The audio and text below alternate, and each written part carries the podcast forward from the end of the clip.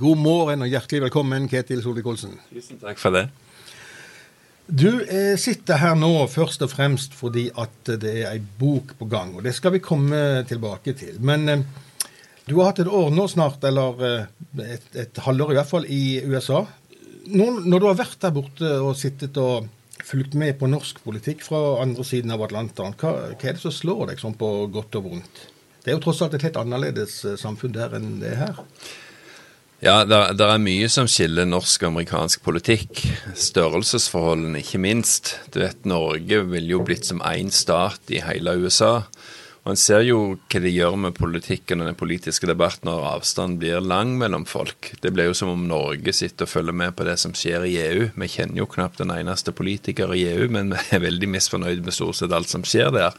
Rett og slett fordi vi ikke kjenner nok til det. Det å oppleve norsk politikk fra på avstand, det er ja, Det kribler jo litt i meg eh, i å få lov til å være med og delta. Fordi at eh, jeg har vært med så lenge, og det er mye av de eh, argumentene som går som jeg mener dette må vi kunne svare på på en, på en god måte. Men sosiale medier og internett gjør jo at det, det er mulig å følge med fra USA, holde seg oppdatert og, og være engasjerte. Hvis vi, hvis vi, snur litt på det og så tenker USA sett med norske øyne, så, så, så, vet vi jo det at her hjemme så ser vi nå på USA med et litt sånn skeptisk blikk etter at Donald Trump eh, havnet ved roret. Det er ganske få av oss eh, som er i stand til å skjønne det som skjer der, og, og noen er jo faktisk oppriktig bekymret. Hva, hva er ditt forhold til, til eh, Donald Trump og det som skjer i USA nå? Han er en veldig annerledes politiker. Jeg tror ikke han hadde fungert i Norge. Men det, det, er to måter å se på, på Trump, og, det gjør at uh, USA er veldig splitta, og verden blir veldig splitta. Og Hvis du hører på måten han snakker, så skjemmes nesten òg den jevne republikaner.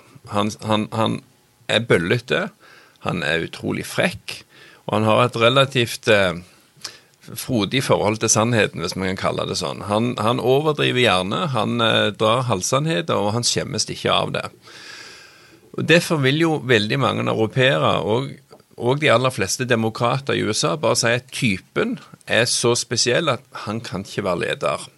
Jeg kunne aldri sittet og hatt han som min sjef. Altså, Erna fungerte godt som min statsminister. Trump kunne ikke jeg vært statsråd hos der du den ene dagen blir skrutt opp i skyene, og neste dag blir du hengt ut for all offentlighet. Det er så uforutsigbart at det, det, det, det er ikke et lagarbeid i hele tatt. Men jeg har vært på et Trump-rally rett og slett for å oppleve hvordan det var. Jeg reiste til Mississippi, der han var. Det er et par timer å kjøre fra Birmingham, der jeg bor. Og inntrykket mitt er at det er ikke så gale å oppleve han live som det er å høre han på nyhetene. Hvis, hvis du hører han over fem minutter, så ser du at han har mer humor, han er mer sjølironisk, og han vet at han er spisse. Og det får du med deg på en annen måte når, når, du hører helheten hans. Det er fortsatt en måte å snakke på som ikke ville passet i Norge, men du forstår at pressen spisser det mer enn nødvendig. Og så Det andre er han leverer på det han har lovt. Til velgerne så har han lovt å styrke amerikansk økonomi, styrke grensekontrollen. Eh, løse mange problemer som har vært uløst over lang tid, og der leverer han. Han har gjort endringer i den økonomiske politikken som i dag kan forklare hvorfor du har hatt en veldig lang oppgangsperiode. Det gikk bra under Obama, det går enda bedre nå. Eh, arbeidsledigheten er rekordlav. Nå vokser lønningene til middelklassen og til industriarbeiderklassen. Det har ikke skjedd på mange, mange år.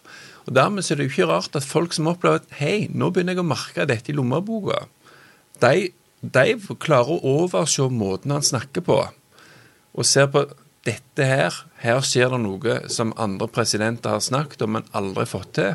Og dermed så har han en veldig lojal tilhengerskare. Sier du nå mellom linjene at du tror han blir gjenvalgt? Jeg trodde jo ikke han ville bli valgt første gangen, så det er vanskelig å spå.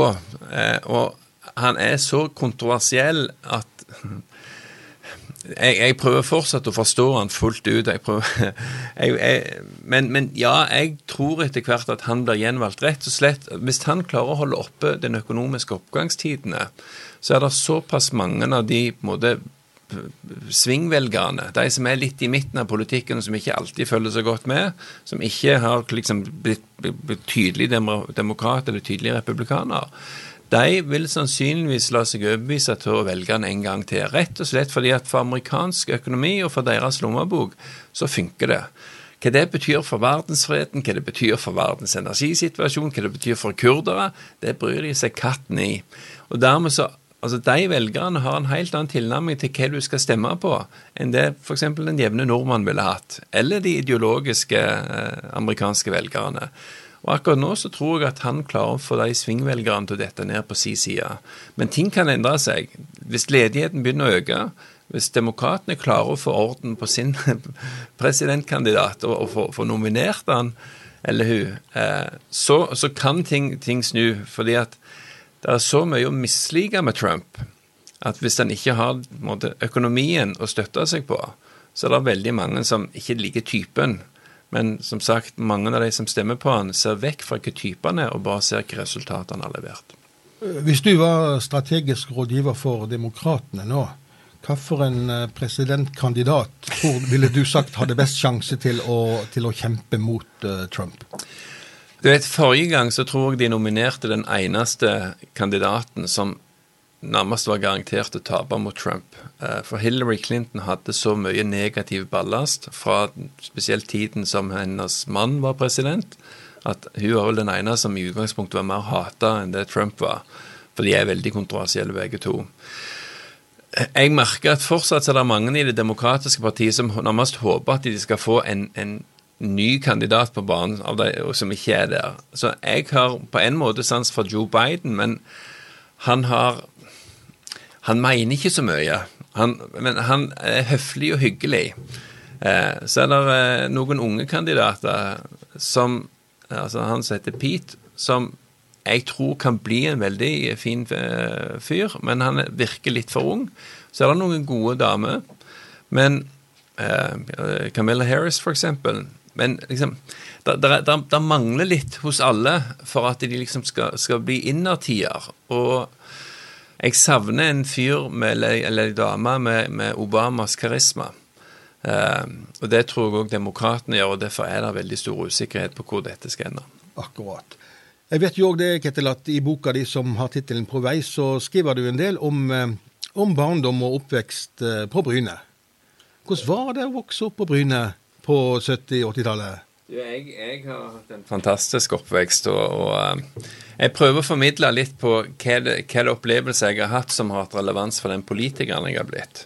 Uh, nå er ikke jeg unik med å ha vokst opp uh, på Jæren, det er det, mange som har hatt glede av. Men det, noen av mine unike opplevelser og erfaringer, det er jo det har vokst opp på et dekklager. Vi, vi, bodde ett år på dekklager på Bryne Skjellsenter som far dreiv. Eh, vi måtte selge huset på Sandnes fordi vi holdt på å bygge nytt på Bryne. Eh, men eh, en høststorm blåste ned strukturen. Sånn at når vi kom til Bryne, så hadde vi rett og slett ingen ferdig hus, for det måtte de begynne å bygge på ny. Og da ble dekklager på Bryne Skjellsenter et bosted i, et lite år. Med fullt operasjonelt, masse dekk, en, en egen kompressor, så hver gang noen stoppet for å fylle luft på bilen, så starta kompressoren som sto fire meter fra senga vår. Jeg tror barnevernet i dag hadde nok vært litt engasjert, men på, på, den tida så var det Det var en storart opplevelse. Men det gjorde jo at jeg kom, jeg kom tett på si, butikker og næringsliv sånn, allerede som femåring. Og jeg ser hvor mye arbeid der, der ligger i å drive sjøl. Hvilken risiko du tar, hvilke bekymringer du har, men hvilke gleder du har. Det har nok òg prega måten jeg ser på, på gründere, på entreprenører, på, på på de som, som våger å satse sjøl. Jeg har stor respekt for det. Jeg misliker sterkt alle de som kaller, kaller folk for liksom negativt for kapitalister og velferdsprofitører og sånne ting. Tvert imot. Vi trenger folk som våger å satse, og som eh, vil gjøre en innsats. Så hvis du, hvis du ønsker at barna dine skal bli en god Frp-er, så er det bare å la dem bo et år på et dekklager? jeg håper det finnes flere oppskrifter til, til det, men eh, jeg ser i hvert fall tilbake på den tida som, som, veldig kjekk. Og så flytta vi jo inn i et mer normalt hus i et uh, normalt nabolag. og det å ha, ha vokst opp med å, å, å være med i si, kulturliv, sportsaktiviteter og lignende Jeg, jeg skriver en del om, om korps spesielt. for jeg, er glad i musikk. Men jeg syns òg at uh, de erfaringene jeg har med å ha spilt i, i skolekorps og musikkorps, det blir på en måte et samfunn i miniatyr, det òg. For det er noen av de fritidsaktivitetene der du kommer på tvers av alle sosiale lag, på tvers av alder, på, på tvers av kjønn. Uh, og der du gjør noe som egentlig er individuelt, nemlig du spiller et instrument, men det er jo summen av alle de individuelle som gjør at det blir musikk av det. Og det, det har jeg òg dratt nytte av seinere i livet, når jeg eh, ser på hvordan vi som samfunn må samspille. Mm. Du, du eh, snakker om kulturliv her. På fritiden, du spilte i korps, sier du. Eh, var det andre ting eh, som opptok en ung eh, Ketil? Ja, jeg eh, drev òg med, med, ridning. Jeg spilte fotball. Det var jo obligatorisk for en som vokste opp på Bryne på 70- 80-tallet. Og så ble det mye arbeid på bensinstasjonen. Eh, sånn at eh, jeg, jeg, hadde det relativt travelt uten at jeg opplevde det som travelt. Jeg opplevde det bare som gøy. Men, men det, liksom, summen av de erfaringene med, med arbeid og frivillig arbeid, hesteridning, som jo blir et forhold, forhold til dyr alt det har gjort ting med meg, tror jeg, som, som bidrar til den politikeren jeg er, og de politiske oppfatningene jeg har. Er du interessert i fotball i dag? Er det sånn at du går på Brynekamper når du får sjanse? Når, når, jeg er hjemme, så prøver jeg å få med meg Brynekamper. Det har jo blitt litt lite av det det siste året. Eh, det var nok mer stas på 80-tallet, når vi kjempa i toppen. altså når vi I 1980 og 82, da var jeg jo fortsatt veldig ung, men liksom når vi fikk sølv i serien, i cupfinalen 1987 det var utrolig gøy. Eh, det gjør litt mer vondt i hjertet når man ser at Bryne sliter på, på bunnen av andredivisjon. Det er ikke der Bryne skal være. Så la oss håpe at det snur.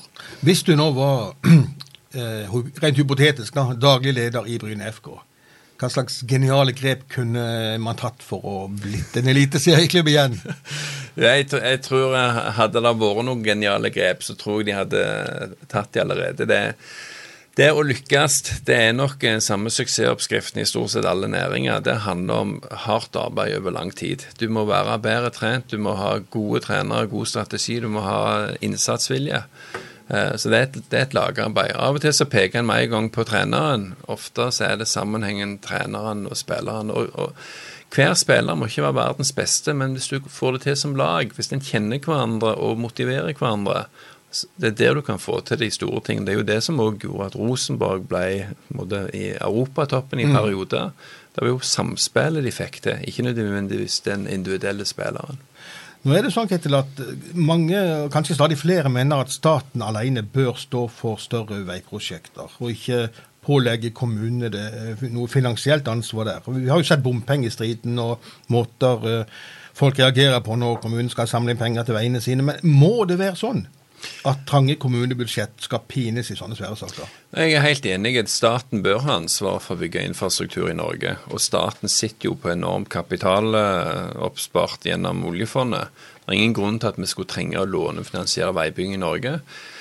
Dessverre så er det Fremskrittspartiet som er alene om det synet på Stortinget i dag.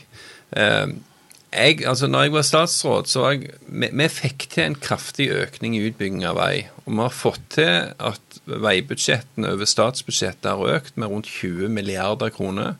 Eh, samtidig som bilistene betaler mindre i avgifter totalt sett. Ja, Drivstoffavgiftene har gått bitte litt opp, bompengene har økt. Men årsavgift, engangsavgift og lignende har gått mer ned. Sånn at bilistene kommer bedre ut i dag enn de gjorde eh, for seks år siden når forrige regjering styrte. Men på bompengesida så lovte jo Fremskrittspartiet å fjerne de. Men når vi la fram bompengereformen i Stortinget i 2015, så ble vi faktisk stoppet av opposisjonen, som da hadde flertall. Arbeiderpartiet, Senterpartiet, SV, KrF og Venstre ville ikke fjerne eller redusere bompenger. Tvert imot, i deres budsjett så har de pleid å foreslå å øke de. Og da, Det var frustrerende å sitte som statsråd der alle pekte på ja, men Fremskrittspartiet lovte å fjerne det, og selv om det var prøvde i Stortinget, fra regjeringen, å redusere bompengene, så fikk vi ikke gjennomslag. Det så vi jo ble et veldig hett debattema i, i valgkampen 2019. Men eh, som Frp-velger så skal jeg fagene aldri gi meg. Det er sosialt urettferdig å finansiere med bompenger. Det er en dyr måte å finansiere veibygging på. Staten bør ta hele regningen. Og i dette landet som er vårt, som er så langstrakt og så grisgrendt en del steder, så trenger vi god infrastruktur for å binde de sammen. Så vi har en jobb å gjøre fortsatt. Vi fikk til å Vi har jo firedobla motorveiutbyggingen. Vi har, dobla vedlikehold. Eh, forfallet på veiene som økte i mange tiår, går nå ned. Men vi lykkes ikke sånn som vi ønsket på bompenger, så der er det fortsatt en jobb å gjøre. Du nevner motorveier. og, og i en tid der det snakkes om at vi skal tenke grønt og ikke oppfordre til mer biltrafikk enn nødvendig, og i tillegg eh, vise hånd.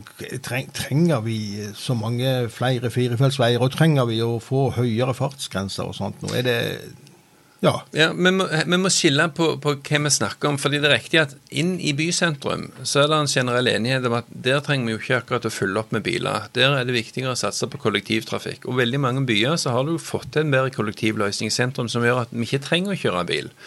Men mellom byene og ute i distriktene så er fortsatt kollektivtrafikk vanskelig å få til på en god nok måte. Det hjelper noen, men langt ifra alle. Der vil bilen være det foretrukne transportalternativet.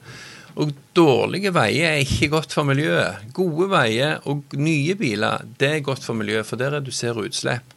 Så vi må klare å ha to tanker i hodet på en gang. Og spesielt nå når vi ser altså at bilprodusentene stort sett fra hele verden sier at i løpet av de neste ti år så kommer de til å ha De kommer sannsynligvis til å ha bensin- og dieselbiler fortsatt, men veldig mange kommer til å ha full pakke med elbiler.